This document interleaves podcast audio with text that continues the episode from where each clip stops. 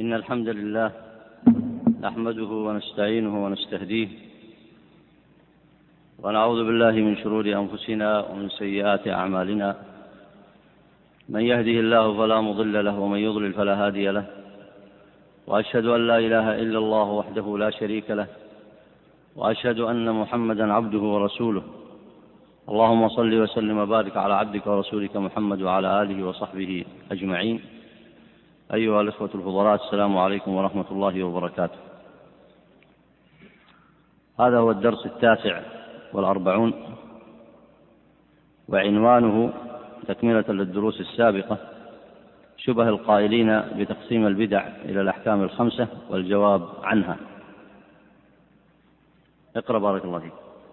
بسم الله الرحمن الرحيم.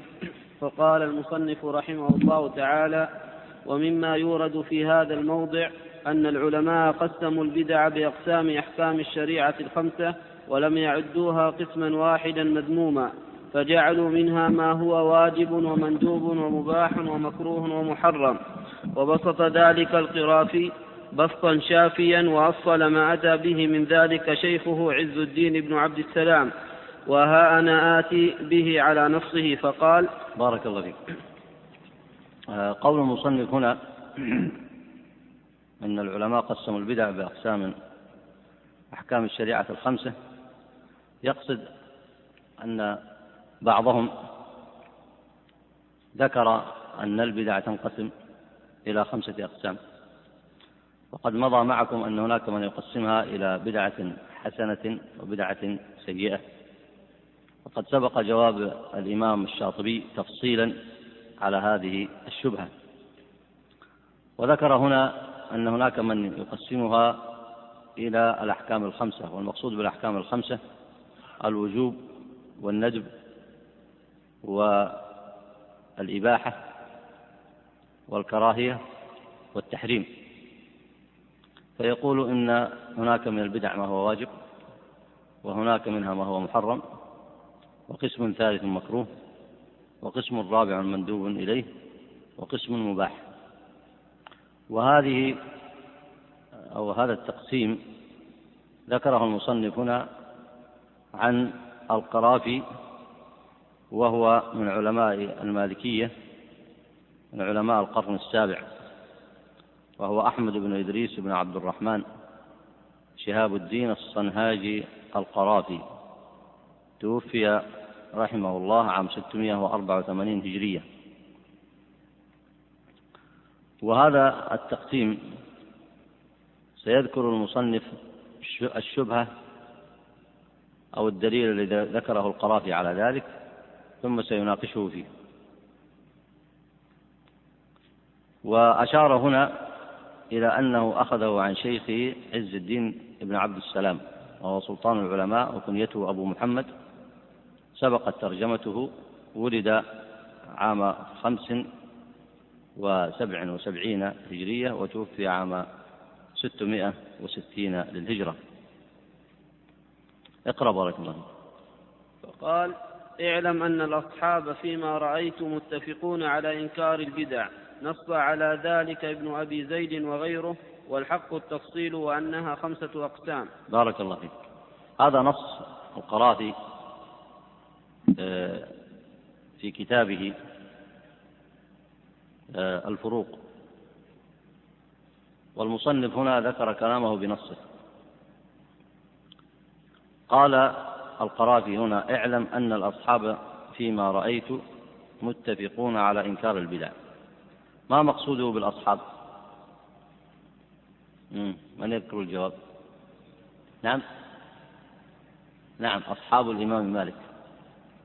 ما مقصوده بالاتفاق؟ أي نعم. يعني أنهم متفقون على إنكار البدع بدون تفصيل.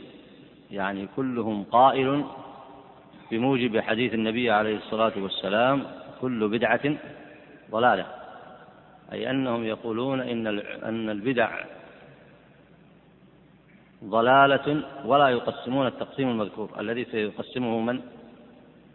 الذي سيقسمه القرافي. القرافي من المالكية والأصحاب الذي يشير إليهم هم من المالكية.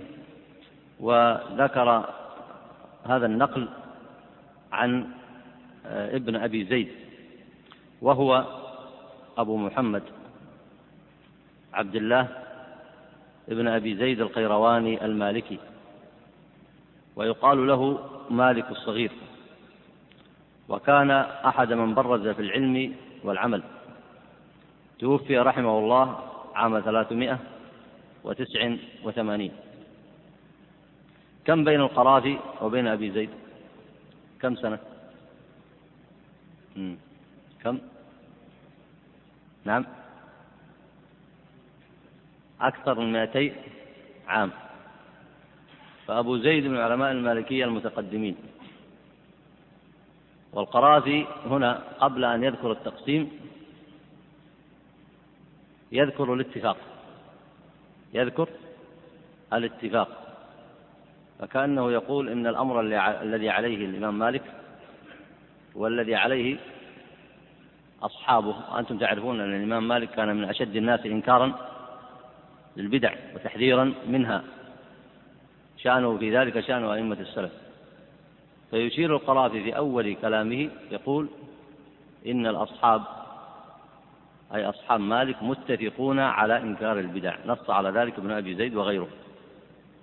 أي ليس وحده هو بل غيره أيضا نص على ذلك. قال والحق التفصيل. ماذا يقصد بقوله والحق التفصيل؟ نعم. ما هو؟ أيوة القرافي يقول والصواب أو الحق الذي يراه هو التفصيل أي تقسيم البدع إلى خمسة أقسام. منها محمود وهو الذي سيطلق عليه لفظ الوجوب والندب والإباحة. ومنها مذموم وهو الذي يطلق عليه لفظ إيش؟ التحريم والكراهة. لكن يقول الأصحاب قبل ذلك لا يفصلون هذا التفصيل بل ينكرون البدع على العموم. طيب إذا الآن اقرأ آه، رأي القرافي. قسم واجب وهو ما تناولته قواعد الوجوب وأدلته من الشرع كتدوين القرآن والشرائع إذا خيف عليها الضياع فإن التبليغ لمن بعدنا من القرون واجب إجماعا. وإهمال ذلك حرام إجماعا فمثل هذا النوع لا ينبغي أن يختلف أن يختلف في وجوبه. بارك الله فيك. طبعا لابد من إشارة هنا وإن كان ستأتي سيأتي الكلام فيها تفصيلا أن الاتفاق الذي ذكره القرافي عن أبي زيد وأصحابه له أهمية وهؤلاء كانوا أقرب عهدا بالسلف وهم تلاميذ الإمام مالك ومالك توفي في القرن القرن الثاني. وهؤلاء من بعده في القرن الثالث. فكانوا فكانوا قريب عهد بالسلف وما كان عليه الناس في ذم البدع عموما. وسيأتي المصنف يشير إلى هذا المعنى. الآن ذكر القسم الواجب. الشاطبي بعد أن يذكر رأي القرافي سيناقشه. وسيناقشه بالقواعد التي درستموها أنتم. سيناقشه بالقواعد التي سبقت في هذا الكتاب التي منها تعريف البدع والتي منها الكلام على العمومات السابقة في الأحاديث كل بدعة ضلالة وكل محدثة بدعة. وسيناقشها بالنظر إلى المصالح المرسلة التي ذكرها من قبل وأن المصالح المرسلة ترجع إلى الأدلة الشرعية ما رجع منها إلى الأدلة الشرعية وهو معمول به. سيناقشها في ضوء هذه القواعد. وأنتم تذكرونها آه، بفضل الله. فأنتم الآن ستذكرون شيئا من المناقشة ولو كان بصورة إجمالية ريثما تأتي المناقشة التفصيلية عند الإمام الشاطبي. هذا النوع الذي سماه القرافي واجب. ما أمثلته التي ذكرها؟ كتابة القرآن والشرائع إذا خيف عليها الضياع. والدليل ما هو الذي ذكره على ذلك؟ على الوجوب.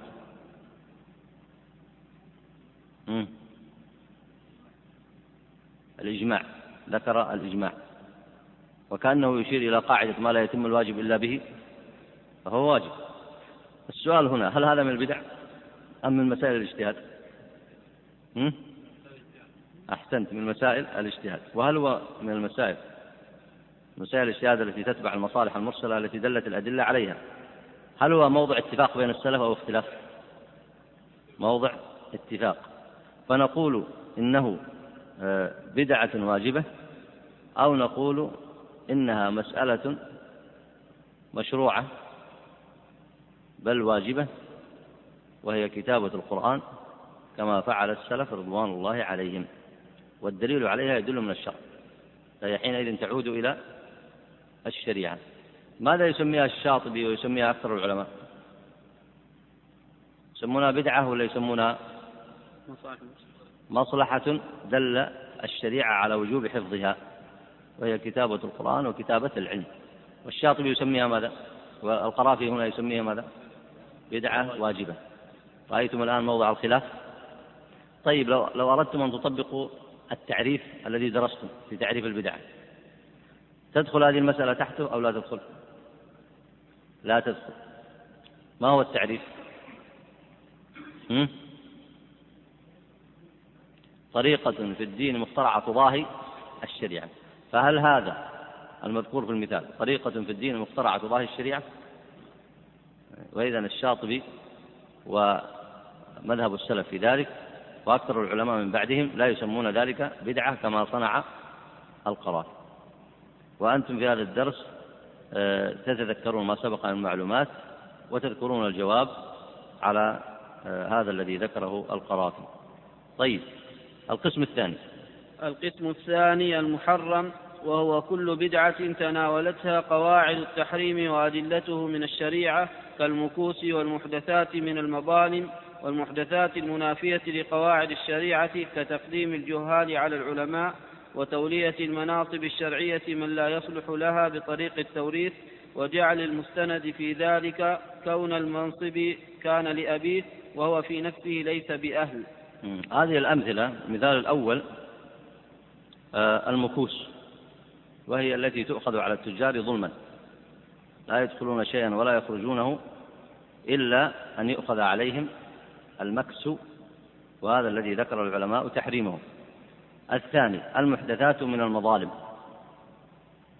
وهي المظالم التي تقع على العباد والمقصود بالمحدثات التي حدثت في الناس ولم تكن من قبل. والمحدثات المنافية لقواعد الشريعة كتقديم الجهال على العلماء وتولية المناصب الشرعية من لا يصلح لها بطريق التوريث. مثلا يتوارث مثلا آه، وظيفة الأذان الابن عن أبيه وإن كان الابن لا يصلح لذلك وإن كان ليس كفؤا. ولا تنطبق عليه الشروط الشرعية من الأمانة والثقة وغيرها من الشروط الأخرى. لكن يتورثها لأن أباه كان قبله وكذا في الإمامة وفي غيرها آه، مما هو في معناها. وجعل المستند في ذلك كون المنصب كان لأبيه وهو في نفسه ليس بأهل هذه من البدع التي انتشرت في الناس من قرون آه، متطاولة سماها ماذا؟ سماها محرمة لما نقول بدعة محرمة نوافقه على هذه التسمية أو لا؟ هذه بدعة أو لا؟ من البدع فإن لم تكن سنة وطريقة فهي من المحرمات لاحظتم إن كانت طريقة متبعة ينطبق عليها التعريف طريقة في الدين مخترعة تضاهي الشرعية فهي من البدع. فإذا قلنا محرمة للتأكيد أو ماذا؟ إذا قلنا بدعة محرمة هذا وصف للتأكيد؟ هذا وصف للتأكيد. وإلا لو قلنا بدعة فقط ألا يكفي؟ يكفي ذلك. طيب بعضها إن لم ينطبق عليها التعريف ولم تكن طريقة في الدين مخترعة أي وقعت في بعض الأحيان دون بعض فهي من المحرمات فهي من المحرمات. أي نعم. طيب القسم الثالث. القسم الثالث من البدع مندوب إليه وهو ما تناولته قواعد الندب وأدلته كصلاة التراويح وإقامة صور الأئمة والقضاة وولاة الأمور على خلاف ما كان عليه الصحابة رضوان الله عليهم. بسبب أن المصالح والمقاصد الشرعية لا تحصل إلا بعظمة الولاة في نفوس الناس. وكان الناس في زمن الصحابة رضي الله عنهم معظم تعظيمهم إنما هو بالدين وسبق الهجرة. ثم اختل النظام وذهب ذلك القرن وحدث قرن آخر لا يعظمون إلا بالصور فتعين تفخيم الصور حتى تحصل المصالح. بارك الله فيك. يقول هنا القسم الثالث ما تناولته قواعد الندب أي أنه مندوب إليه أي أن الشريعة ما معنى مندوب إليه؟ تفضل. أن الشريعة تطلبه أنه مطلوب في الشرع مطلوب العمل به. قال هنا المثال الأول ما هو؟ صلاة التراويح. وهذا معلوم أنه مندوب إليها. لما سبق معكم من الأدلة أن النبي عليه الصلاة والسلام صلى بأصحابه وجمعهم في المسجد فصلوا خلف إمام واحد وهو النبي عليه الصلاة والسلام. ثم إن النبي عليه الصلاة والسلام ترك ذلك خشية أن يفرض عليهم كما سيأتي يذكر المصنف الأدلة بالتفصيل على ذلك. فصلاة التراويح مندوب إليه. المثال الثاني وإقامة صور الأئمة والقضاة وولاة الأمور. المقصود بالصور المظاهر. المقصود بالصور كما ذكر أهل العلم وكما ذكر المحققون وغيره المظاهر. المظاهر أي في آه، بناء القصور أو في بناء الدور أو في المراكب أو في هيئات الاستقبال أو في اللباس الذي يلبسونه يستقبلون به الناس وغير ذلك. وليس المقصود الصور التي قد تتبادر إلى الذهن عند أناس كالصور التي تؤخذ بالكاميرات أو غيرها وإنما المقصود الصور أي الهيئات. الهيئات هيئاتهم في مدخلهم ومخرجهم واللباس الذي يلبسونه في استقبال الناس والهيئة آه، في بناء بيوتهم ومراكبهم واستقبالاتهم وغير ذلك. هذا المقصود. وإقامة صور الأئمة والقضاة ولذلك أدخل معهم هنا القضاة وولاة الأمور. على خلاف ما كان عليه الصحابة رضوان الله عليهم. يعني الذي كان في الجيل الأول أن الناس لم يكونوا يحتاجون لذلك لأنهم كانوا آه، ينظرون إلى بعضهم بعض بميزان واحد وهو التقوى. وكانوا يتابعون آه، يتابع بعضهم بعضا على الطاعة. والهيبة للطاعة وللتقوى ولإقامة الشر ولذلك ما ضر عمر رضي الله عنه أنه كان كما سيأتي يذكر المصنف هنا أنه كان يأكل خبز الشعير والملح. وكان في أحواله مثل عامة الناس. هذا لم يسقط هيبته. وإنما كان الناس يهابونه لما فيه من الدين ولما رأوا فيه ولما رأوا فيه ولما رأوا فيه من إقامة الحق. فهذا الذي يقول هنا قال وها وكان معظم أو وكان الناس في زمن الصحابة رضي الله عنهم معظم تعظيمهم إنما هو بالدين وسبق الهجرة. فالذي يعمل للدين أكثر ويقيمه ويعمل به وهو أسبق الناس هجرة كان مقدما وكان له الهيبة إن كان قاضيا أو واليا أو غير ذلك من الولايات التي كانت في الناس فلم يكن الناس يحتاجون إلى المظاهر وتفخيمها. فلما جاءت عصور أخرى كما هو بالدولة الأموية وما بعدها ظهرت هذه المظاهر في الناس. ظهرت هذه المظاهر في الناس. القرافي يقول إن هذا النوع من البدع التي حدثت في الناس ويسميها بدعا مندوب إليها أي مطلوبة. لماذا يطلبها الشرع عنده؟ ما هي العلة التي ذكرها هنا؟ لقيمة لإظهار هيبة لإظهار هيبتهم في الناس لإظهار هيبتهم في الناس. طيب اقرأ. وقد كان عمر بن الخطاب رضي الله عنه يأكل خبز الشعير والملح ويفرض لعامله نصف شاة كل يوم لعلمه بأن الحالة التي هو عليها لو عملها غيره لهان في نفوس الناس ولم يحترموه. وتجاسروا عليه بالمخالفة فاحتاج إلى أن يضع غيره في صورة أخرى تحفظ النظام. أي نعم. لماذا عرض الشاطبي هذا المثال القرافي لهذا المثال؟ من يستطيع يذكر الجواب؟ حتى يثبت أن تفخيم الصور أن تفخيم الصور مطلوب في الشرع. لاحظوا. فأراد فقال إن عمر رضي الله عنه كان يأكل خبز الشعير والملح. وفي نفس الوقت كان يفرض لولاته في الأمصار نصف شاة كل يوم. فكأنه استدل بالفرق بين هذا وبين هذا ليقول إن إنما صبر عمر على طعامه الذي كان يطعم وفرض لولاته أكثر لكي يجعل لهم في ذلك هيبة للناس. هذا الدليل الذي ذكره القرافي وسيأتي المصنف يناقشه في ذلك. سيأتي المصنف يناقشه في ذلك. اقرأ الدليل الثاني.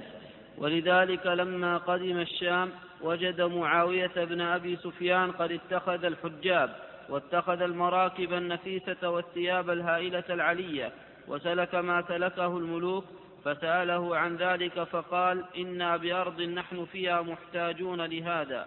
فقال له لا آمرك ولا أنهاك. ومعناه أنت أعلم بحالك. هل أنت محتاج إلى هذا فيكون أو غير محتاج إليه؟ فدل ذلك من عمر وغيره على أن أحوال الأئمة وولاة الأمور تختلف باختلاف الأمصار والقرون والأحوال فكذلك يحتاج إلى تجديد زخارف وسياسات لم تكن قديمة وربما وجبت في بعض الأحوال. أي نعم.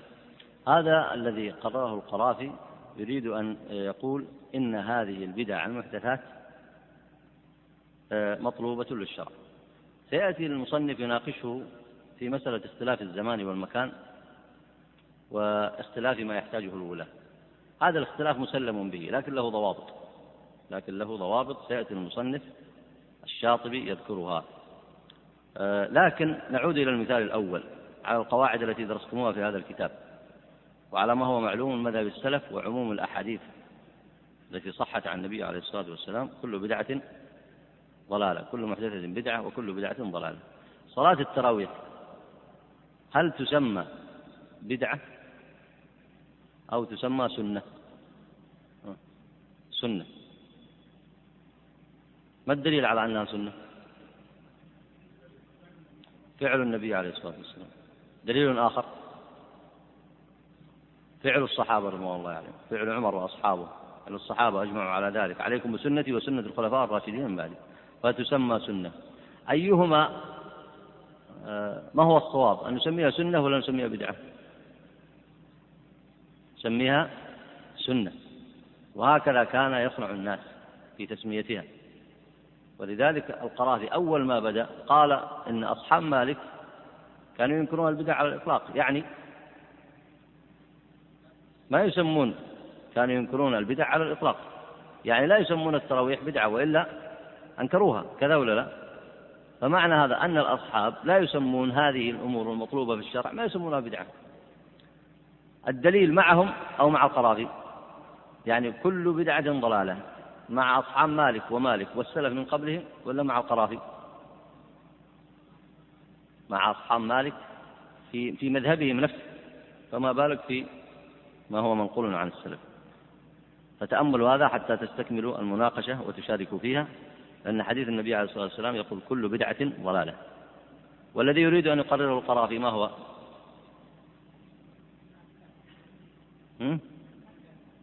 لا يريد يقرر كل بدعة ضلالة وإلا ها؟ يعني يستعمل لفظ كل ولا يحذف لفظ كل؟ طبعا هو متأول في ذلك وعنده الشبهة التي ذكرها وسيأتي المناقشة فيها. لكن حاصل مذهبه حاصل مذهبه كل بدعة ضلالة وإلا كل بدعة تنقسم إلى خمسة أقسام. لاحظتم الآن؟ فالمناقشة الآن دائرة على هذا حتى تتبينون المعنى.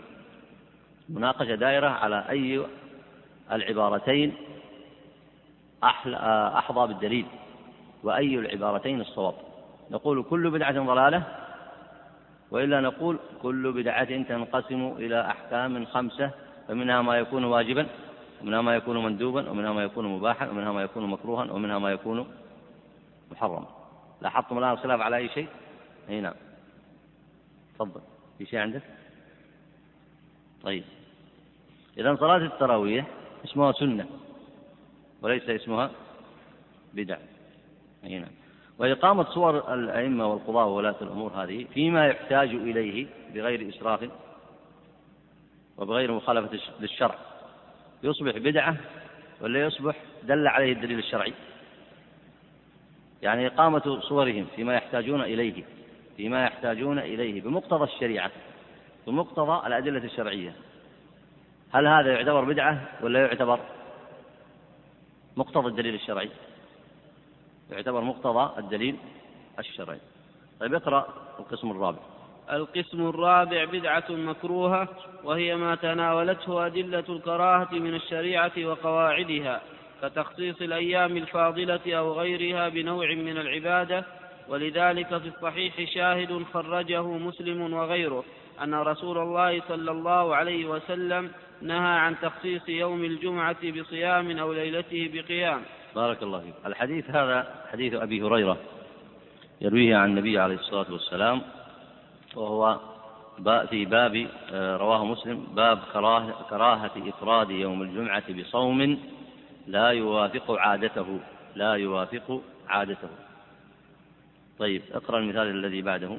ومن هذا الباب الزيادة في المندوبات المحدودات كما ورد في التسبيح عقب الفريضة ثلاثا وثلاثين فتفعل مئة وورد صاع في زكاة الفطر فيجعل عشرة أصوع بسبب أن الزيادة فيها إظهار الاستظهار على الشارع وقلة الأدب معه بل شأن العظماء إذا حددوا شيئا وقف عنده وعد الخروج عنه قلة أدب.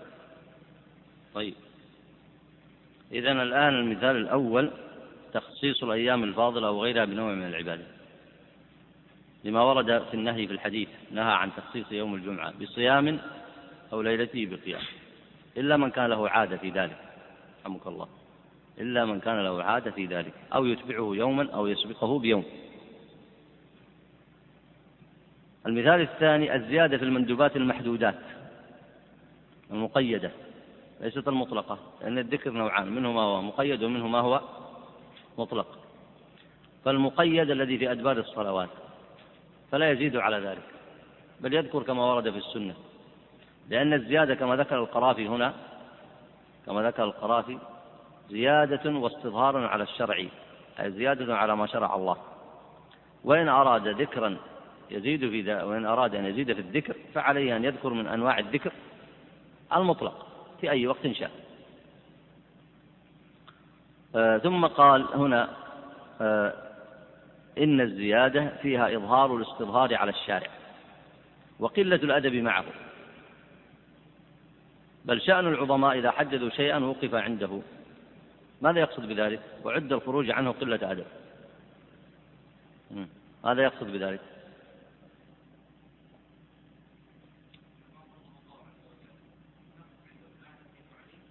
أي نعم.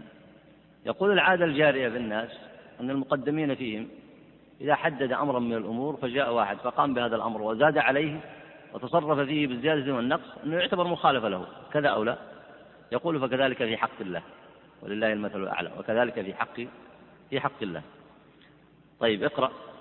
والزيادة في الواجب أو عليه أشد في المنع لأنه يؤدي إلى أن يعتقد أن الواجب هو الأصل والمزيد عليه. ولذلك نهى مالك رضي الله عنه عن إيصال صيام ستة أيام من شوال لئلا يعتقد أنها من رمضان.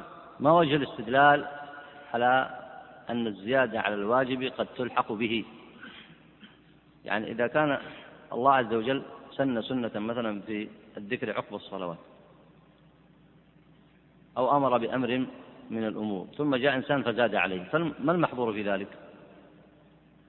غير ما سبق. أنه يظن أن هذه الزيادة ملحقة بأي شيء؟ بالأصل.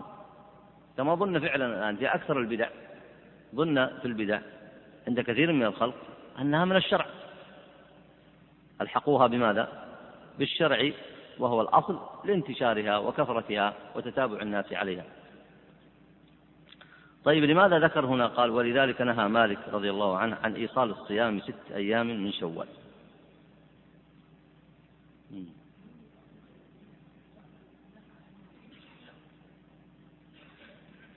لا لماذا نهى مالك عن صيام؟ صيام ست من شوال مشروع وأنتم الآن في آخر شوال وكلنا يصوم أو كثير من الناس يصوم ست من شوال. فلماذا كره ذلك الإمام مالك؟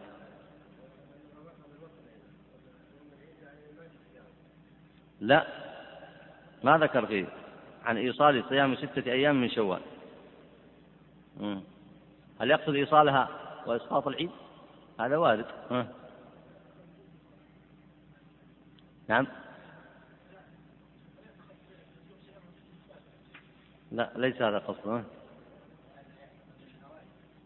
لا يعتقد أنها واجبة. وارد هذا نعم. يعني بعض الأعاجم اعتقد أنها ملحقة برمضان. وسيأتي الشاطبي يذكر هذا وفعلا وقع عند بعض الأعاجم أنهم كانوا يلحقون ستة من شوال برمضان. ويبقون المسحرين على عاداتهم يعلمون الناس في شوال.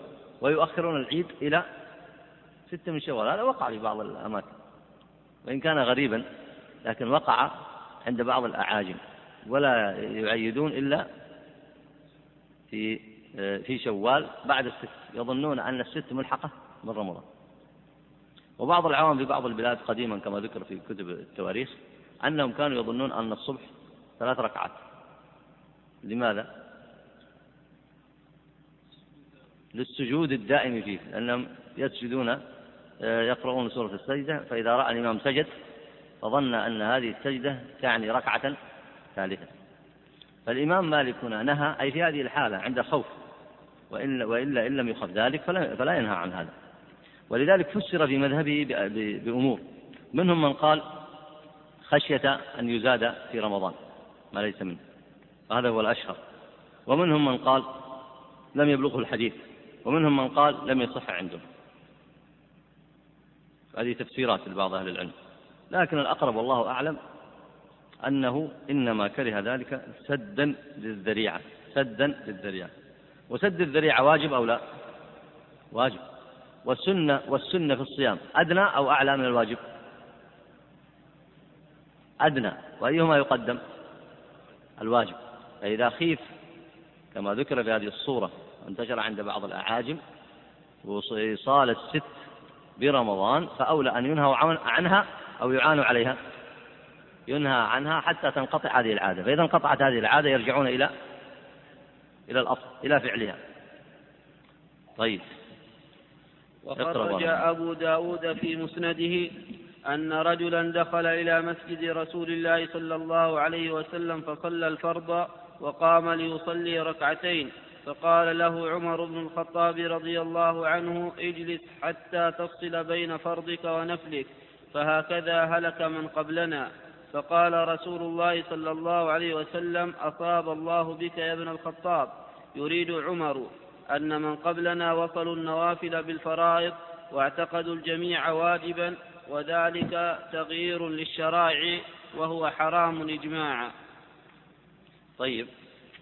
هذا الحديث كما أشار المحقق هنا آه، قال أخرجه أبو داود السجستاني في سننه وإسناده ضعيف فيه المنهال بن خليفة.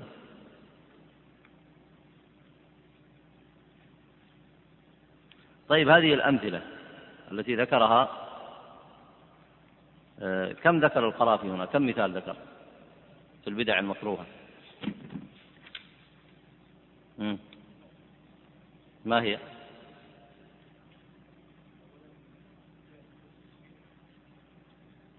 أيوة.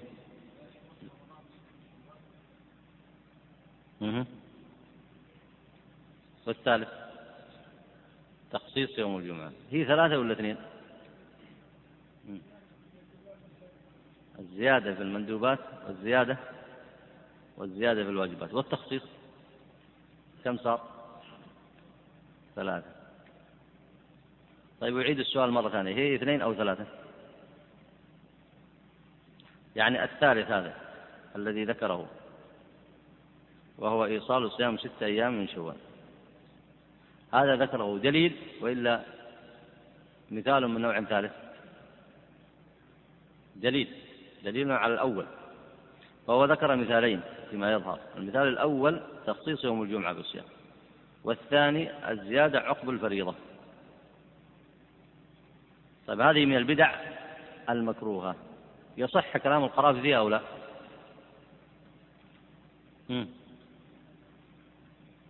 تناقشتم مسألة البدع إيش؟ الواجبة والبدع المندوب عليه مندوب إليه. والمحرم يصح قوله فيه أو لا؟ إنها بدعة محرمة الأمثلة التي ذكرها في المحرم. طيب هنا يصح قوله أم لا؟ قوله صحيح نعم. لأنه قوله بدع هذه بدع نعم. وسماها مكروهة. الشاطبي في تقسيمه البدع قسمها إلى أي شيء؟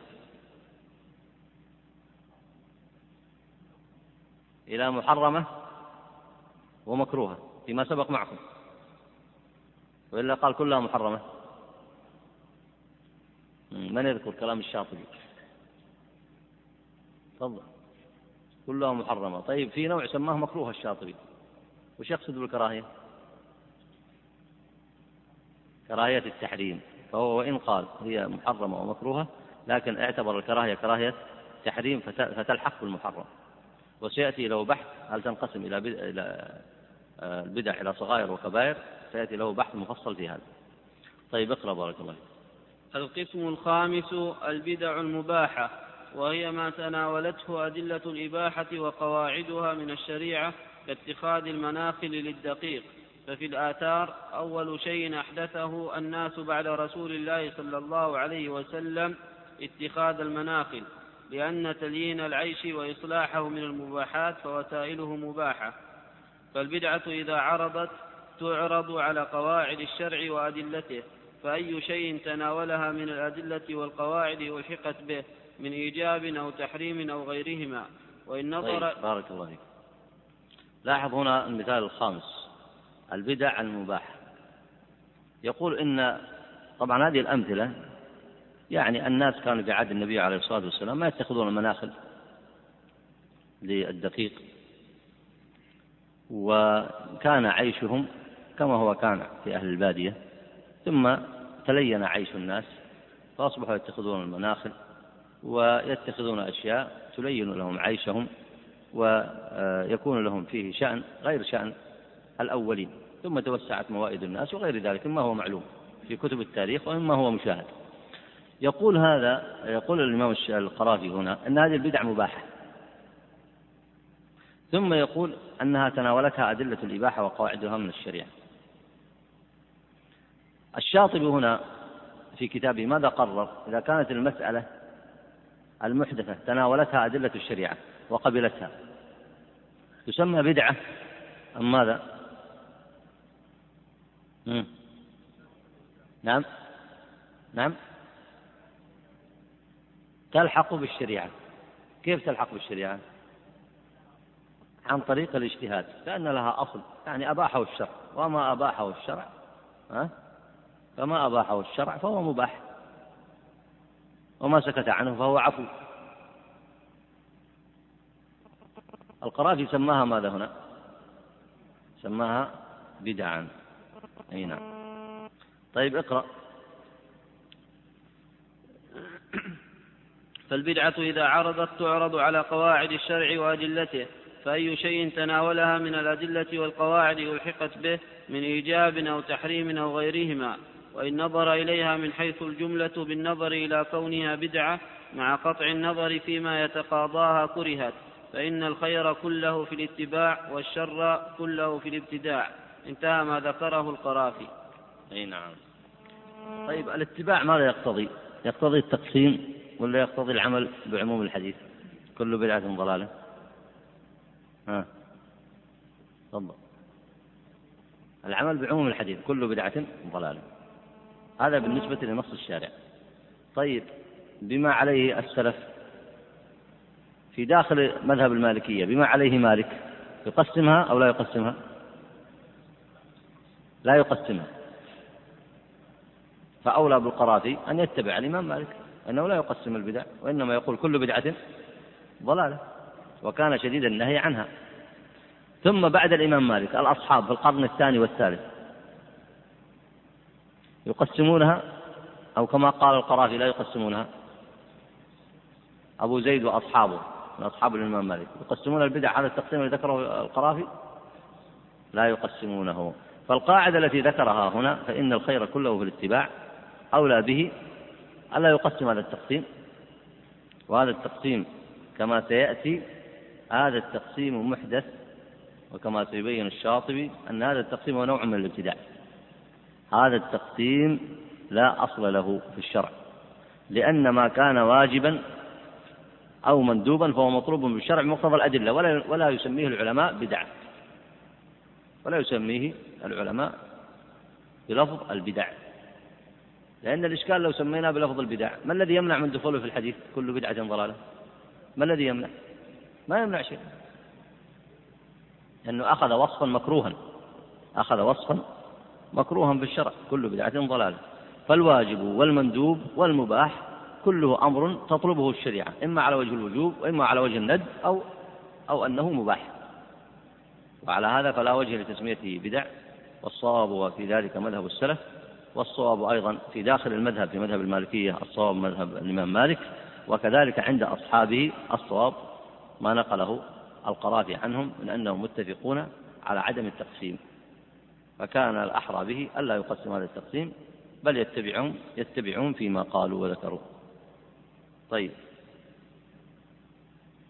اقرأ بارك الله وذكر شيخه في قواعده في فصل البدع منها بعدما قسم أحكامها إلى الخمسة أن الطريق في معرفة ذلك أن تعرض البدعة على قواعد الشريعة فإن دخلت في قواعد الإيجاب فهي واجبة إلى أن قال وللبدع الواجبة أمثلة.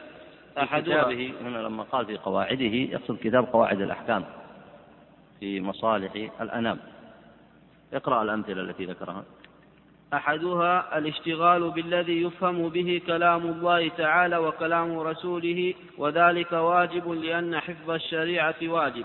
صححوا هذا. الاشتغال بعلم النحو. ما هو بالذي يفهم منه؟ الاشتغال بعلم النحو الذي يفهم منه أو الذي يفهم به كلام الله. طيب الثاني. والثاني حفظ غريب الكتاب والسنة من اللغة. والثالث تدوين أصول الفقه والرابع الكلام في الجرح والتعديل لتمييز الصحيح من السقيم. هذا من أي نوع اعتبره؟ العز بن عبد السلام. من البدع الواجبة. القرافي أخذ تقسيمه من من شيخه. طيب نذكر المثال الأول.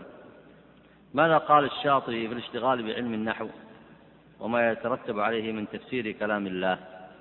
وما يصنعه المفسرون من الصحابة والتابعين والأئمة من بعدهم. هل هذا الذي يصنعونه ابتداع أو عمل بالواجب؟ يسمى ماذا؟ يسمى عملا بالواجب الشرعي. وهي سنة ماضية الصحابة بأي شيء كانوا يفسرون القرآن. القرآن يفسر بالقرآن. ثم يفسر القرآن بالقرآن وبسنة النبي عليه الصلاة والسلام. ثم يفسر إن لم يكن هناك إن لم يكن هناك تفسير بالقرآن وبالسنة يفسر بلغة العرب. لغة العرب ما هي؟ كان الناس يحفظونها ثم صارت المكتوبة في الكتب. كانت في الصدور. ثم صارت في ماذا؟ في الكتب. كان الناس لا يتعلمونها لأنها السليقة حتى عهد الإمام الشافعي رحمه الله. ثم احتاج بعد ذلك لما دخل الأعاجم في الإسلام وانتشر اللحن احتاج الناس لتعلم العربية ثم إلى كتابتها ثم لوضع القواعد فيها. فهؤلاء يفسرون القرآن بلغة العرب والصحابة كانوا يفسرون القرآن بلغة العرب وهؤلاء يعملون بالواجب وهؤلاء يعملون بالواجب أنه لا طريقة لتفسير القرآن إلا بذلك. هنا لكن ماذا سماه العز بن عبد السلام؟ سماه من البدع الواجبة. ولاحظوا هنا أن لفظ البدع عندهم هنا لا يقتضي الذم. تأملوا هذا. ولو اقتضى الذم يسمونه واجب؟ لا يسمونه واجبا لكن كأنهم يستعملون لفظ البدع فيما يمدح ويستعملون لفظ البدع فيما يذم. إذا قالوا البدع الواجبة كان هذا البدع ممدوحة عندهم. وإذا قالوا مندوبة كانت ممدوحة وهكذا. وإذا قالوا محرمة كانت البدعة مذمومة. النوع الثاني في نفس المعنى حفظ غريب الكتاب والسنة من اللغة. القرآن فيه آه، كلام بلغة العرب التي يفهمها عامة الناس ممن كانوا يعرفون اللغة العربية. وفيها ألفاظ غريبة تحتاج إلى زيادة تأمل هذا الذي يسمى بالغريب وفيه كتب. كان المفسر من الصحابة قد يسأل عن الغريب أي اللفظ الغريب يسأل غيره. كما سأل ابن عباس الأعرابي عن معنى فاطر السماوات والأرض فسأله عن معنى فاطر ففاطر فيه معنى الاختراع والإنشاء فوجد أعرابيين يقتتلان على بئر كل واحد منهما يقول أنا فطرتها. ويدخل في هذا الألفاظ الغريبة التي وردت في الكتاب والسنة. هذا يجمع في كتب متخصصة لشدة عناية السلف بحفظ معاني القرآن وهو موجود أيضا في كتب التفسير. وهذا يدخل في المعنى الأول حفظ لغة العرب ويدخل في معنى تفسير القرآن. وكذلك يرحمك الله وكذلك تدوين أصول الفقه كما سبق معكم في أول الكتاب أن هذه العلوم من مقتضتها المصالح الشرعية وهي ترجع إلى أدلة الشريعة التي هي حفظ الدين. وكذلك الكلام في الجرح والتعديل لتمييز الصحيح من السقيم لمعرفة الراوي الذي يصح الذي ثقة فيروى عنه ومعرفة غير الثقة حتى لا يروى عنه وذلك لحفظ الشريعة.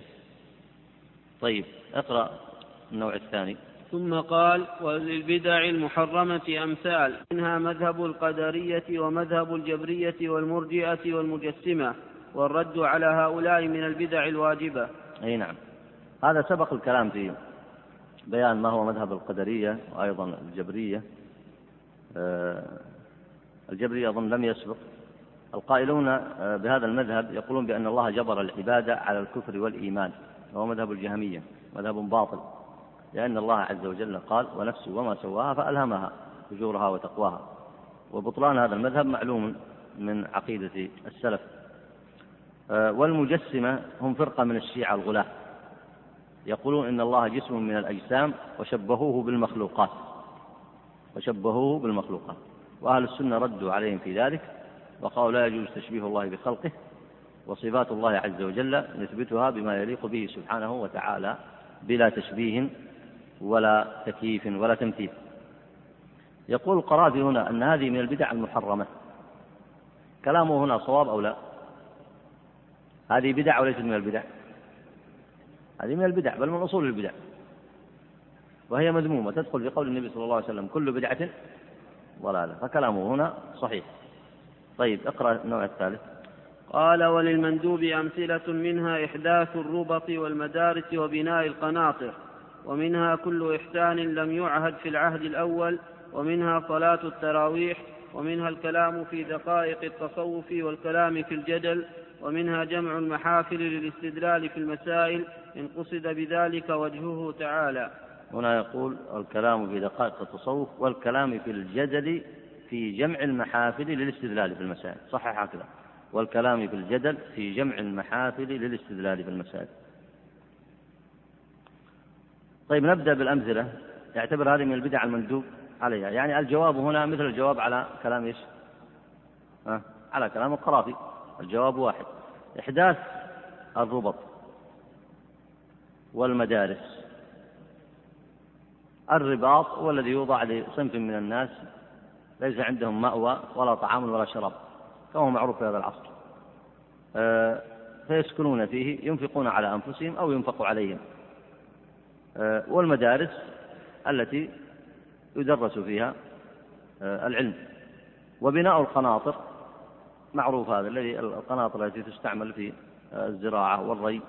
وتستعمل آه، بين بين المزارع ونحو ذلك.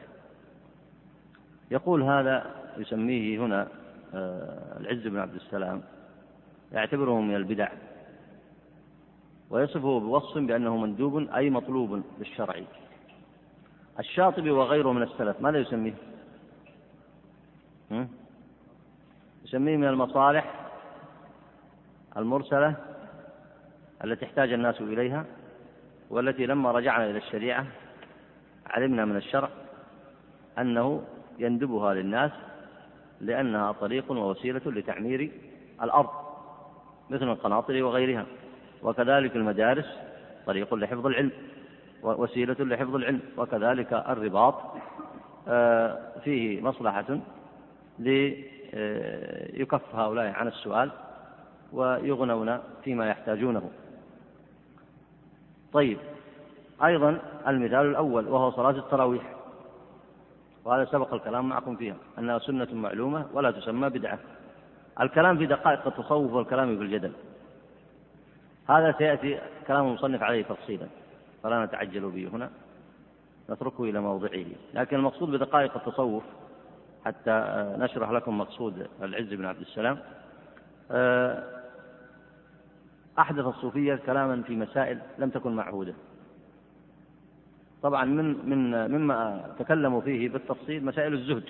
هذا أمر كان معلوما وإن كانوا سلكوا فيه مسلكا آخر هم لكن مثلا مسألة الفناء أن الإنسان يتعبد حتى تفنى وتذهب روحه في كذا أو كذا. هذا أمر لم يكن يتحدث الناس عنه. فيشير إلى هذا. يقول الكلام في دقائق التصوف. والمصنف سيأتي بجواب يذكره في هذه المسألة وهو أن ما لم يكن معهودا عند السلف وما كان مخالفا لأدلة الشريعة فهو مردود سواء أحدثه الصوفية أو أحدثه غيرهم. أي نعم. اقرأ بارك الله قال وللمكروهة أمثلة منها زخرفة المساجد وتزويق المصاحف وأما تلحين القرآن بحيث تتغير ألفاظه عن الوضع العربي فالأصح أنه من البدع المحرمة. أي نعم. هذه أمثلة البدع المكروهة. زخرفة المساجد. وورد في الأحاديث أن زخرفة المساجد من علامات الساعة. زخرفة المساجد من علامات الساعة. والمقصود من علامات الساعة الصغرى. وهذا ظهر في الناس. الأمر الثاني تزويق المصاحف أي التفنن في كتابتها. التفنن في كتابتها كما يتفنن بعض الخطاطين آه، في كتابة الآيات. فلا تستطيع تقرأ الآية. ما تستطيع تعرفها مع أن المقصود من كتابتها ما هو؟ المقصود من الكتابة ماذا؟ الآن المقصود من الكتابة هنا لكي تقرأ. فالمقصود من كتابة الآيات قراءتها أو مجرد النظر فيها وعدم معرفتها. ولذلك في بعض الناس يأتي الإنسان فكأنه يعني يكلفه ما لا يطيق. قل تستطيع تقرأ الخط هذا؟ لأنه فعلا يتعب حتى يقرأه. لكن إذا كان عرف أول الآية أو آخرها يقرأ على ما في ذهنه لا على ما رأى. فهذا التفنن والتزويق من البدع التي أحدثها الناس لأنهم اشتغلوا عن العلم بغيره. اشتغلوا عن العلم بالقرآن والعمل به اشتغلوا بغيره. تلحين القرآن أيضا بحيث تتغير ألفاظه عن الوضع العربي. تمطيط. سواء في القرآن أو التمطيط في الأذان بحيث يتكلف المؤذن فيه بكثرة التمطيط. يريد بذلك أن يحسن صوته مع أنه يكفيه ما دون ذلك. والتوسط أحرى به وأسلم له. وكذلك تمطيط القرآن بحيث تتغير ألفاظه. هذا من البدع المحرمة. وكلام العز بن عبد السلام هنا أيضا آه، صحيح مثل قوله وكلامه في البدع المحرمة. اقرأ البدع المباحة. قال وللبدع المباحة أمثلة منها المصافحة عقب صلاة الصبح والعصر ومنها التوسع في اللذيذ من الماكل والمشرب والملابس والمساكن ولبس الطيالسة وتوسيع الأكمام وقد اختلف في بعض ذلك. فجعله بعض العلماء من البدع المكروهة وجعله آخرون من السنن المفعولة على عهد رسول الله صلى الله عليه وسلم فما بعده كالاستعاذة والبسملة في الصلاة انتهى محصول ما قال. بارك الله فيك. آه لبس الطيالسة وتوسيع الأكمام هذا نوع من الأكسية وجمعها طيالس نوع من الأكسية السود. فالتوسع في اللذيذ من المآكل والمشرب والملابس والمساكن عده بعض العلماء من البدع كما ذكر من البدع المباحة وعده بعضهم من البدع المكروهة. وسماه آه، العز بن عبد السلام هنا من البدع المباحة. وهو كما سيأتي معكم بالجواب مفصلا عند الإمام الشاطبي أن هذا أقرب ما يكون إلى قاعدة أخرى. وهي إن وقع الإسراف فيه فهو مذموم وإن لم يقع الإسراف فيه فهو غير مذموم. أي نعم. وأما قوله المصافحة عقب صلاة الصبح والعصر فذلك من البدع. لماذا؟ لأن تخصيص هذا الوقت بالمصافحة دون غيره يفهم الجهال أن هذا ملحق بالصلاة أو لا. أن هذا ملحق بالصلاة. يفهم الجهال أن هذا ملحق بالصلاة. ولذلك من حفظ الشريعة هو إبقاؤها كما هي كما بلغها النبي عليه الصلاة والسلام. وتأكيد العلماء على هذه المعاني وإن كان هنا العز بن عبد السلام يعتبره من البدع المباحة لكن الصحيح أنه من البدع. لأن تخصيصه بهذا الوقت يظن الناس أنه من الصلاة تابع للصلاة. ولا تستغربون هذا الأمر. فأنا رأيت إمام يصلي وهو كبير السن فيعمل أمرا على عادته لما يحتاجه. هو يحتاج لمثل هذه الحركة التي يعملها. فإذا سلم قال السلام عليكم ورحمة الله. ولأنه يتعب في آخر الصلاة يقول السلام عليكم ورحمة الله. فيضع يده ويسلم يضع يده اليسار يتكي عليها فيسلم فهناك من المصلين من أصبح بعد ذلك. إذا سلم يسلم ويضع يده اليسار ويتكي عليها. ويتخذ هذا عادة. فهناك أشياء لمقتضى التقليد والمتابعة يلحقها بعض الأعاجم بل حتى بعض العرب الجهال يلحقونها بالعبادة الشرعية وهي ليست منها.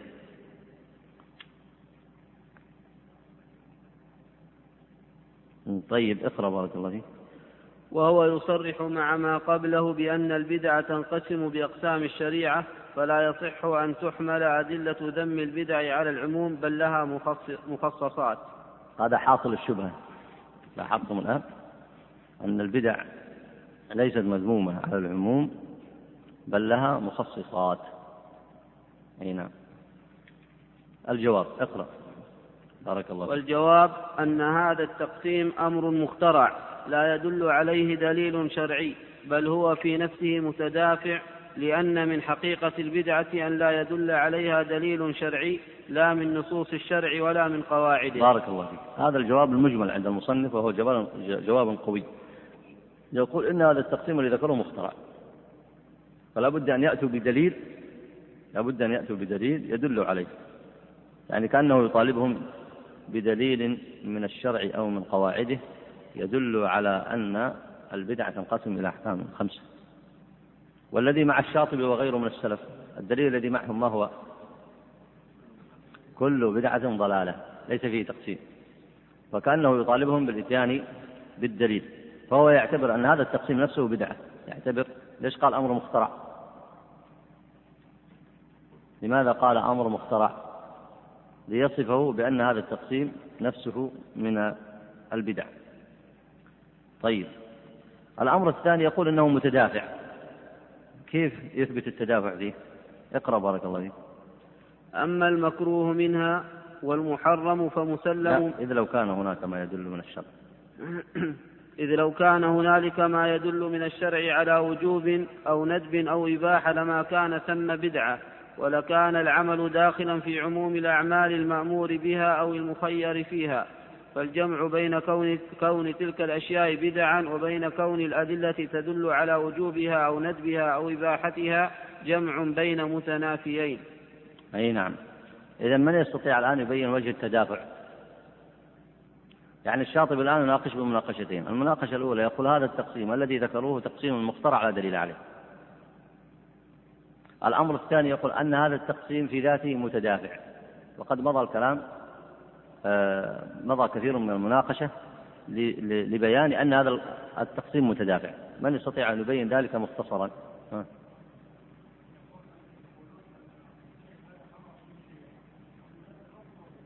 أي نعم.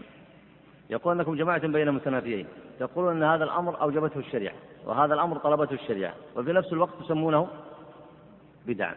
يقول هذا فيه تنافي. هذا فيه تنافي. كيف يكون بدعا والبدعة وصف ذم كما ورد في الحديث. ثم تقولون أن الشريعة تطلبه إما على سبيل الوجوب وإما على سبيل الندب. أي نعم. أما المكروه منها والمحرم فمسلم من جهة كونها بدعا لا من جهة أخرى إذ لو دل دليل على منع أمر ما أو كراهته لم يثبت بذلك كونه بدعة لإمكان أن يكون معصية. كالقتل والسرقة وشرب الخمر ونحوها فلا بدعة يتصور فيها ذلك التقسيم البتة إلا الكراهية والتحريم حسبما يذكر في بابه. يعني يريد أن يصحح من مذهبهم قولهم بدعة محرمة وبدعة مكروهة. يقول هذا صحيح. لماذا؟ لأنه ينطبق عليه التعريف طريقة في الدين مخترعة تضاهي الشريعة. وهذا أمثلته كثيرة مما ذكر مثل زخرفة المساجد آه، مثل آه، الولايات آه، التي ذكرها في توريث المناصب الدينية أو غيرها من الأمثلة وهو كثير. وأما ما سوى ذلك فلا يوافقهم في ذلك والصواب معه على ما هو مذهب السلف كما أشرنا ومذهب الأئمة المشهورون المشهورين. يقول أن إن التقسيم الثاني وهي المندوب والمكروه المندوب والمباح والواجب الذي سميتموها بدعا هذه ليست ببدع بل مقتضى الأدلة الشرعية وهي آه، تدل عليها الأدلة الشرعية ولا يوافقهم على هذا التقسيم. بل حتى يناقشه في مسألة المحرم. إذا قال بدعة محرمة يقول أيضا ليس كل محرم لا بد أن يكون بدعة لأنه قد يكون معصية. أي نعم. اقرأ بارك الله فما ذكره القرافي عن الأصحاب من الاتفاق على إنكار البدع صحيح وما قسمه فيها غير صحيح. ومن العجب حكاية الاتفاق مع المصادمة بالخلاف ومع معرفته بما يلزمه في خرق الإجماع. وش يقصد الشاطبي هنا.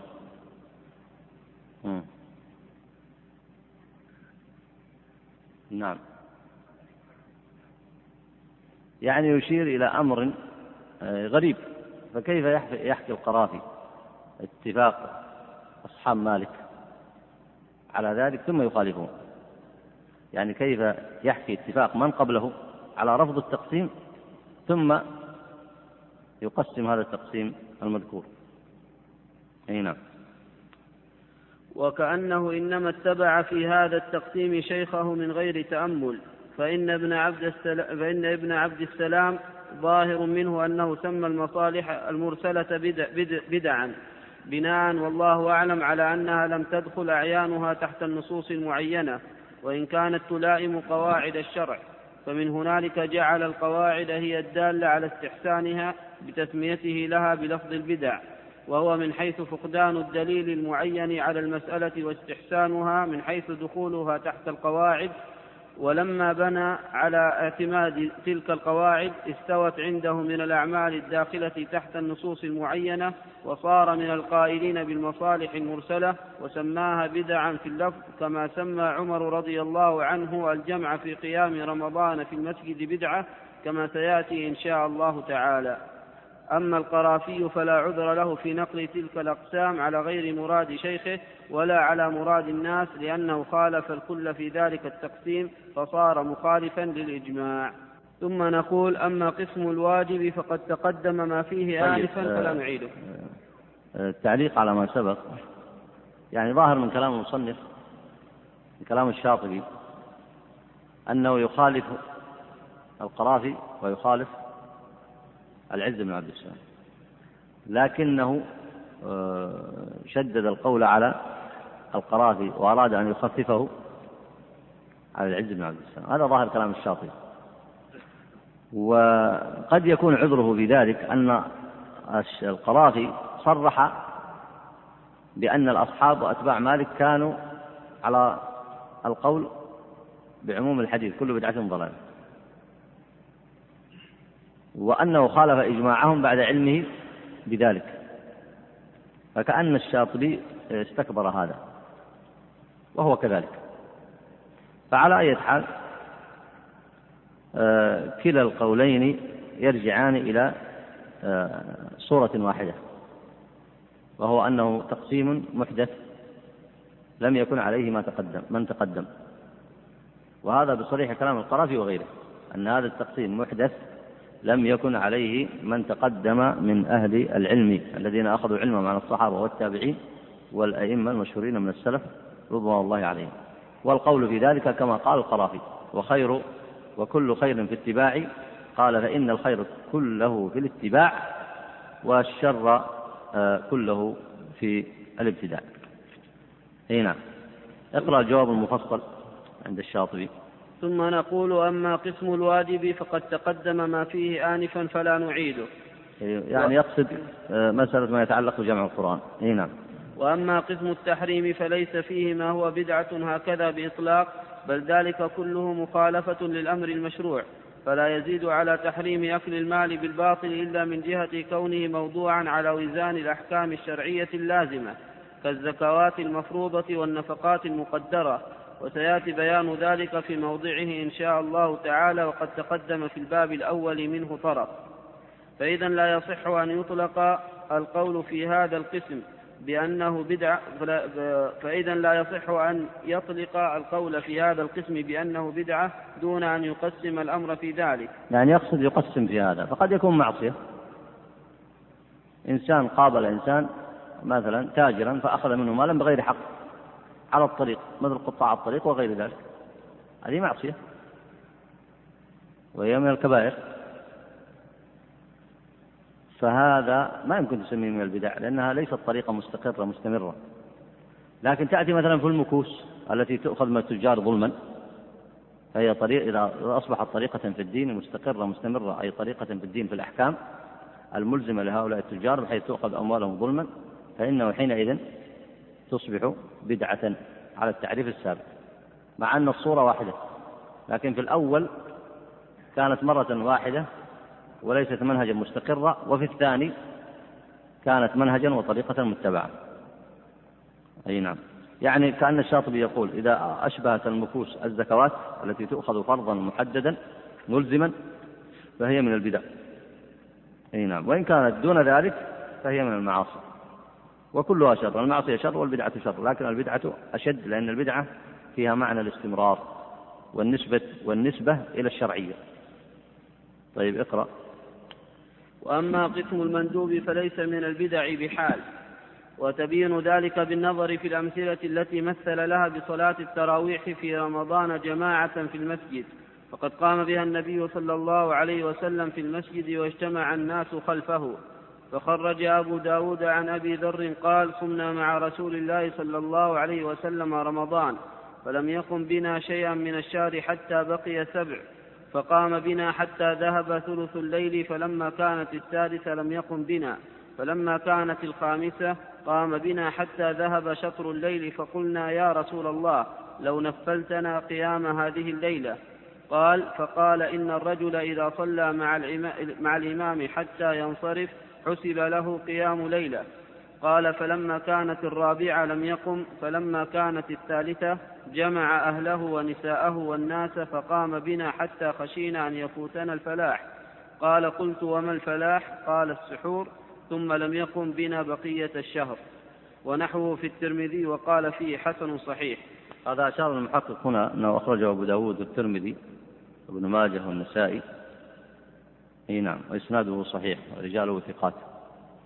إي نعم اقرأ لكنه عليه السلام لما خاف افتراضه على الأمة أمسك عن ذلك. ففي الصحيح عن عائشة رضي الله عنها أن رسول الله صلى الله عليه وسلم صلى في المسجد ذات ليلة فصلى بصلاته ناس ثم صلى القابلة فكثر الناس ثم اجتمعوا الليلة الثالثة أو الرابعة. فلم يخرج إليهم رسول الله صلى الله عليه وسلم فلما أصبح قال قد رأيت الذي صنعتم فلم يمنعني فلم يمنعني من الخروج إلا أني خشيت أن يفرض عليكم وذلك في رمضان وخرجه مالك في الموطأ. أي نعم. أكمل.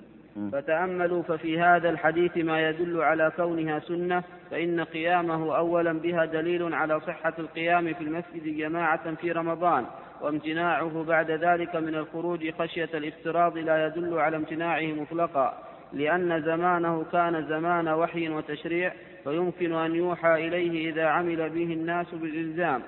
فلما زالت علة التشريع بموت رسول الله صلى الله عليه وسلم رجع الأمر إلى أصله وقد ثبت الجواز فلا ناسخ له.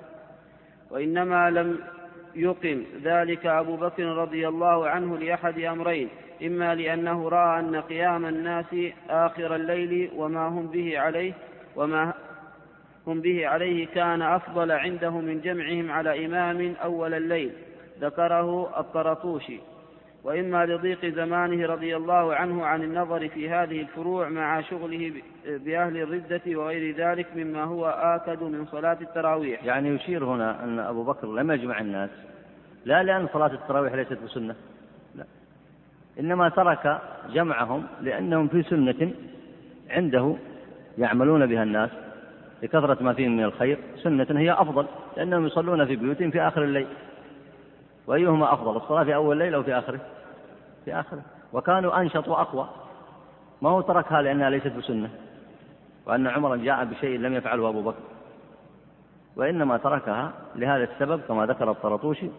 وهناك سبب آخر أن أبا بكر كان مشغولا بحرب أهل الردة ولم يكن متفرغا لمثل للقيام بمثل ذلك. نعم فلما تمهد الإسلام في زمن عمر رضي الله عنه ورأى الناس في المسجد أوزاعا كما جاء في الخبر قال أوزاعا أي جماعة متفرقين. قال لو جمعت الناس على قارئ واحد لكان أمثل. فلما تم له ذلك نبه على أن قيامهم آخر الليل أفضل. ثم اتفق السلف على صحة ذلك وإقراره والأمة لا تجتمع على ضلالة. السؤال هنا هل الصورة التي أقامها عمر غير الصورة التي فعل بها فعلها فعلها النبي عليه الصلاة والسلام؟ من يذكر الجواب؟ الصورة واحدة. قوم اجتمعوا مع النبي عليه الصلاة والسلام. أي جماعة في مسجد لهم إمام واحد أو لا؟ من هو؟ النبي عليه الصلاة والسلام. والذي فعله عمر شاف الناس يصلون متفرقين فجمعهم في مسجد واحد على إمام واحد الصورة واحدة. والمصنف أطال في الجواب لرفع هذه الشبهة التي يكثر الكلام الناس منها ويريدون أن يجيزوا بعض البدع بدعوى هذه الصورة. فصلاة التراويح سنة مشهورة معمولة عمل بها النبي عليه الصلاة والسلام. وأبو بكر لم يعمل بها لأن صلاة الناس في آخر الليل أفضل. صلاة الناس في آخر الليل أفضل في بيوتهم. لكن الناس ضعفوا عن ذلك وإلا فإن صلاتهم آخر الليل أفضل. ولذلك عمر لما جمعهم نبههم أيضا قال وما تنامون عنها؟ أفضل مما تقومون إليها في أول الليل. وأما أن النبي صلى الله عليه وسلم عمل بها ثم تركها لا يعني أنه تركها أنه لا يريد أن تكون سنة. لو, لو, لو كان يريد أنها ليست بسنة جارية بعده لنهى الناس عنها. لقال لهم أنها نسخت. لكن النبي صلى الله عليه وسلم تركها خوفا أن تفرض عليهم. خوفا أن تفرض عليهم لأنه كان في زمان الوحي والتشريع. فإذا صلى الناس جماعة خلف إمام واحد فتلك سنة كان النبي صلى الله عليه وسلم يعمل بها والصحابة عملوا بها بذلك ولا وجه لإدخالها في التقسيم الذي آه، قاله القرافي أو العز بن عبد السلام. هنا. قد نص الأصوليون أن الإجماع لا يكون إلا عن دليل شرعي. فإن قيل فقد سماها عمر بدعة وحسنها بقوله نعمة البدعة هذه وإذا ثبت بدعة مستحسنة في الشرع ثبت مطلق الاستحسان في البدع. فالجواب إنما سماها بدعة باعتبار ظاهر الحال من حيث تركها رسول الله صلى الله عليه وسلم. واتفق أن لم تقع في واتفق أن لم تقع في زمان أبي بكر رضي الله عنه لا أنها بدعة في المعنى. فمن سماها بدعة بهذا الاعتبار فلا مشاحة في الأسامي وعند ذلك لا يجوز أن يستدل بها أو أن يستدل بها على جواز الابتداع بالمعنى المتكلم فيه لأنه نوع من تحريف الكلم عن مواضعه. أي نعم. يعني من جاء لأمر مشروع ومسنون عمل به الناس ثم سماه بدعة فإن قصد المعنى الشرعي المحرم في لفظ الابتداع فليس له ذلك لأن هذا من تحريف الكلم. وإن قصد أنه أمر مشروع دلت عليه الشريعة ثم أقر بعد ذلك أن البدع محرمة في الشرع بعموم قول النبي عليه الصلاة والسلام كل بدعة ضلالة فكل البدع محرمة فلا ريب أن كلامه مقبول في الجملة لا إشكال فيه. لكن الإشكال في آه، تقسيم البدع إلى الأحكام الخمسة وإدخال آه، بعض آه، أو إدخال المحدثات المنهي عنها في أنها من البدع المندوب إليها أو من البدع المباحة أو الواجبة. أي نعم. فقد قالت عائشة رضي الله عنها إن كان رسول الله صلى الله عليه وسلم ليدع العمل وهو يحب أن يعمل به خشية أن يعمل به الناس فيفرض عليهم. وقد نهى النبي صلى الله عليه وسلم عن الوصال رحمة بالأمة وقال إني لست كهيئتكم إني أبيت عند ربي يطعمني ويسقيني. وواصل الناس بعده لعلمهم بوجه علة النهي حسب ما يأتي إن شاء الله تعالى. الوصال هو صوم يومين فأكثر. الوصال صوم يومين وأكثر من غير أكل ولا شرب. وقول الشاطبي هنا وواصل الناس بعده يقصد بعض الناس. وإلا فإن المسألة خلافية بين أهل العلم. ومنهم من منع ذلك كالإمام مالك وأبي حنيفة والشافعي. ومنهم من قال بجوازه من السحر إلى السحر كالإمام أحمد وإسحاق أنه يجوز المواصلة من السحر إلى السحر. ومن الصحابة من أجازه مطلقا. أي نعم. فالمقصود هنا بالمواصلة أن النبي صلى الله عليه وسلم عمل بها ثم نهى أصحابه لأنهم لا يطيقون ذلك. فعاد الأمر على أن من يطيق ذلك آه، كما سبقت الإشارة إليه فإنه له أن يعمل بذلك وإن كانت هذه المسألة من المسائل آه، الخلافية بين أهل العلم. أي نعم. وذكر القرافي من جملة الأمثلة إقامة صور الأئمة والقضاة إلى آخر ما قال وليس ذلك من قبيل البدع بسبيل. أما أولا فإن التجمل بالنسبة إلى ذوي الهيئات والمناصب الرفيعة مطلوب. كان للنبي صلى الله عليه وسلم حلة يتجمل بها للوفود. ومن العلة في ذلك ما قاله القرافي من أن ذلك أهيب وأوقع في النفوس والتعظيم في الصدور. ومثله التجمل للقاء العظماء كما جاء في حديث أشج عبد القيس. وأما ثانيا فإن سلمنا ألا دليل عليه بخصوصه فهو من قبيل المصالح المرسلة وقد مر أنها ثابتة في الشرع لكن هو من حيث التجمل وكما أشار المصنف أوقع بالنفوس بالهيبة فالنبي صلى الله عليه وسلم كان يستقل إذا إذا قابلته الوفود كان يتجمل لمقابلتهم. هذا له أصل في السنة. هذا له أصل في السنة وكذلك كان أصحابه يصنعون ذلك. وأصله ما رواه أبو داود الترمذي في حديث زارع وكان في وفد عبد القيس. قال لما قدمنا المدينة فجعلنا نتبادر من رواحلنا فنقبل يد النبي صلى الله عليه وسلم ورجله. قال وانتظر المنذر الأشج حتى أتى عيبته. فلبس ثوبيه فلبس ثوبيه أي أنه لبس شيئا مستحسنا يتجمل به لمقابلة النبي عليه الصلاة والسلام. ثم أتى النبي صلى الله عليه وسلم فقال إن فيك خلتين يحبهما الله الحلم والأناة. قال يا رسول الله أنا أتخلق بهما أم الله جبلني عليهما؟ قال بل الله جبلك عليهما قال الحمد لله الذي جبلني على خلتين يحبهما الله ورسوله فهذا هو الأصل في هذا والنبي عليه الصلاة والسلام كان له حلة حمراء آه، أي فيها خطوط حمر كان يستقبل بها الوفود فهذا أصله. وللناس مع اختلاف الزمان أن يتخذوا من ذلك ما كان به حاجة بشرط ألا يكون يدخل في الإسراف أو فيما في الأمور المحدثة التي تشابه فعل الكفار أو غير ذلك من الأمور المحدثة المنهي عنها. إي نعم. وما قاله من أن عمر كان يأكل خبز الشعير ويفرض لعامله نصف شاه فليس فيه تفخيم صورة الإمام ولا عدمه بل فرض له ما يحتاج إليه خاصة وإلا فنصف شاة لبعض العمال قد لا يكفيه لكثرة عيال وطروق ضيف وسائر ما يحتاج إليه من لباس وركوب وغيرهما. فذلك قريب من أكل الشعير في المعنى. هذا الجواب سبق الإشارة إليه ويحتاج أيضا إلى تأمل لكن هو في نفس المعنى لأنه يناقش به آه، الإمام القرافي. أي نعم. وأيضا فإنما يرجع إلى المأكول والمشروب لا تجمل فيه بالنسبة إلى الظهور للناس. وقوله فكذلك يحتاجون إلى تجديد زخارف وسياسات لم تكن قديمة وربما وجبت في بعض الأحوال. مفتقر إلى التأمل. ففيه على الجملة أنه مناقض لقوله في آخر الفصل الخير كله في الاتباع والشر كله في الابتداع مع ما ذكر قبله. فهذا كلام يقتضي أن الابتداع شر كله. فلا يمكن أن الابتداع شر كله فلا يمكن أن يجتمع مع فرض الوجوب. وهو قد ذكر أن البدعة قد تجب وإذا وجبت لزم العمل بها.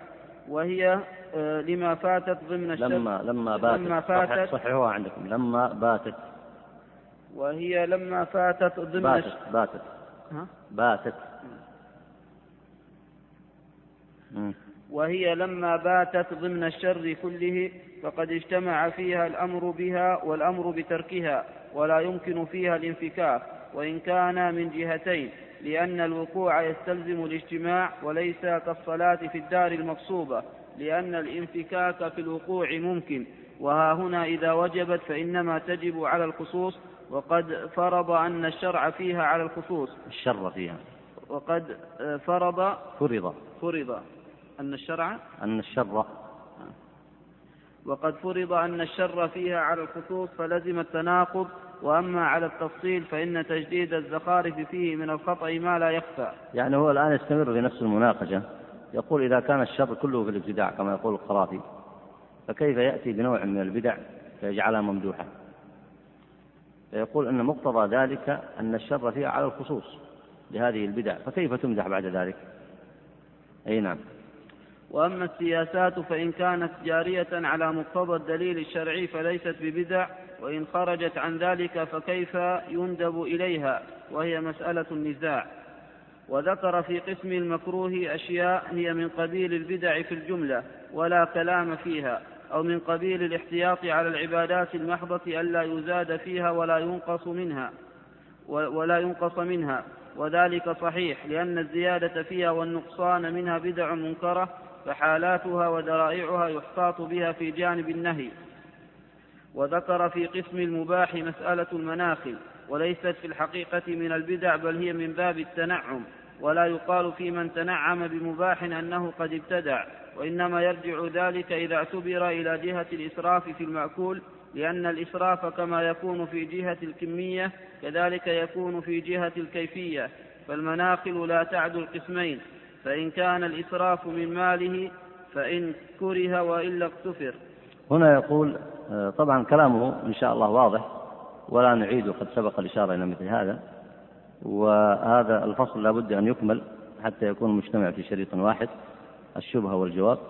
قوله هنا فإن كان الإسراف من ماله فإن كره. الصواب فإن كان الإسراف مما له بال كره. لاحظ هنا.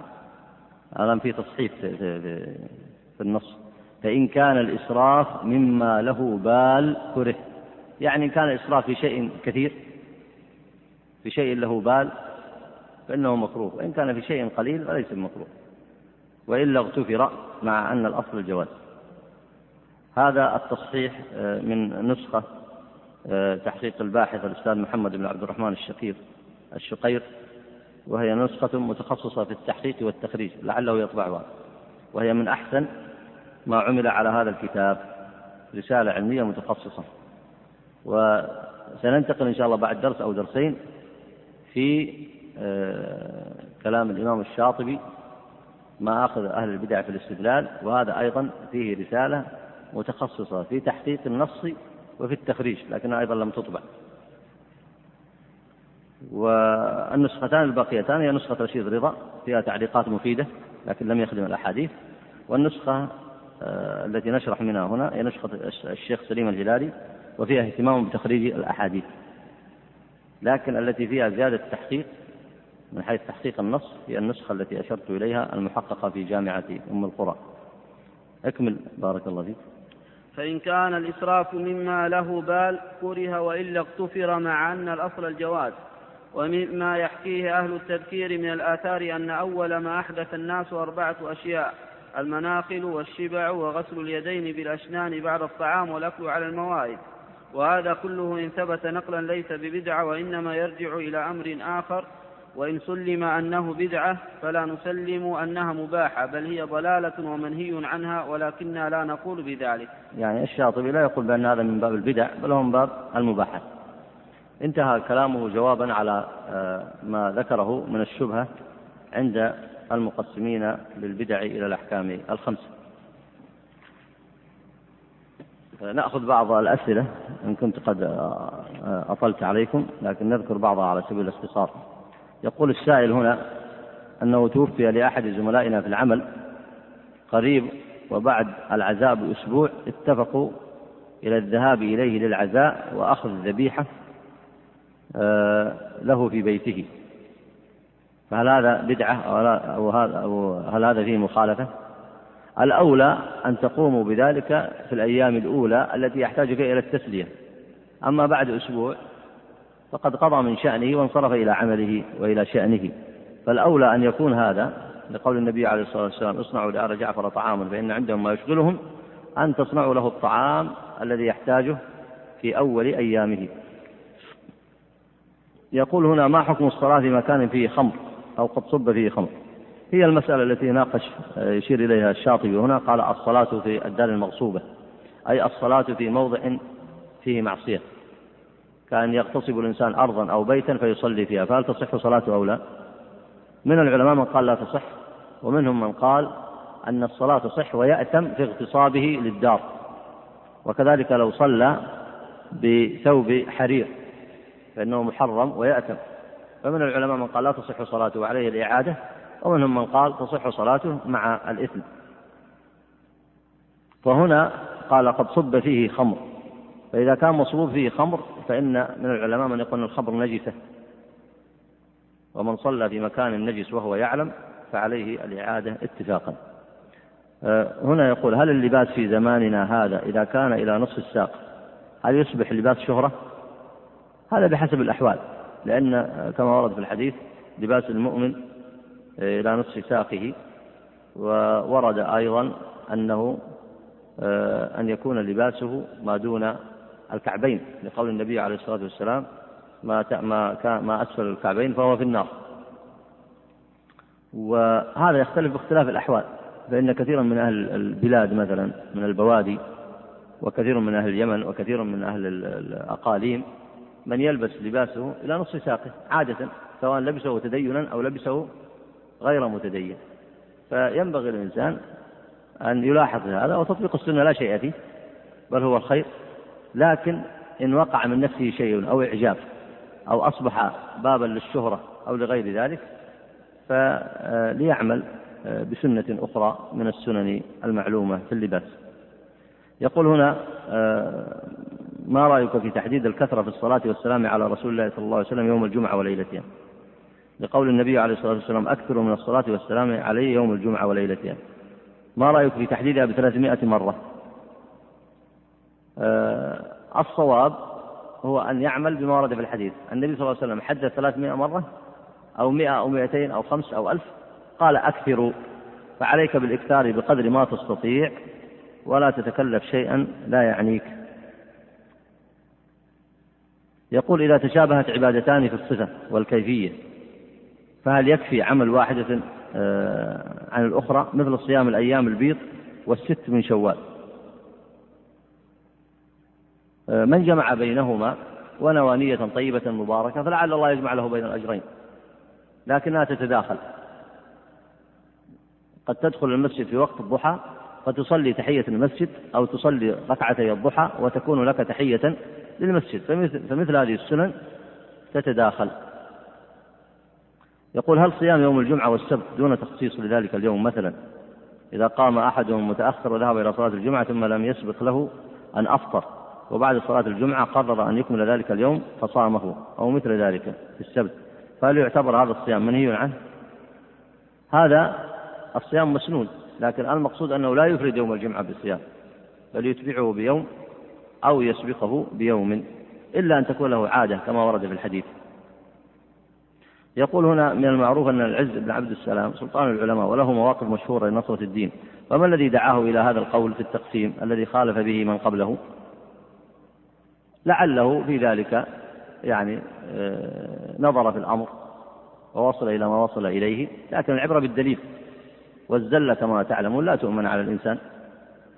والخير كما ذكر هو وغيره وذكر عامة أهل العلم الخير في اتباع من سلف والابتداع كله شر. فالتقسيم لا ريب حتى وإن وقع من بعض الفضلاء هو تقسيم غير صحيح وهو زل وقع بها هو وغيره لكن لا يتابعون عليها. آه، يقول هنا هل تقسيم العز آه، مبني على تعريف البدعة لغة وليس شرعا؟ لا التقسيم الذي عندهم تقسيم شرعي وليس تقسيم لغوي. كما سبق في المناقشة. يقول هنا إذا قال لمدة حوالي عشر دقائق لا إله إلا الله وحده لا شريك له له الملك وله الحمد وهو على كل شيء قدير حيث أني أجد صعوبة في عدها مئة مرة. المقصود آه، كما ورد في الحديث من قال لا إله إلا الله مائة مرة آه، المقصود أنه يعدها إن استطاع أو أنه يكون قريبا من ذلك. أما تحديدها بالوقت فلا يعني أن الوقت في العشر دقائق أنها تكون مئة أو تزيد أو تنقص. المقصود التحديد. فإن زاد أو نقص فلا بأس عليه. آه، فإن استكمل فقد استكمل الأجر الذي ورد في الحديث. هذا وصلى الله وسلم على نبينا محمد وعلى آله وصحبه أجمعين.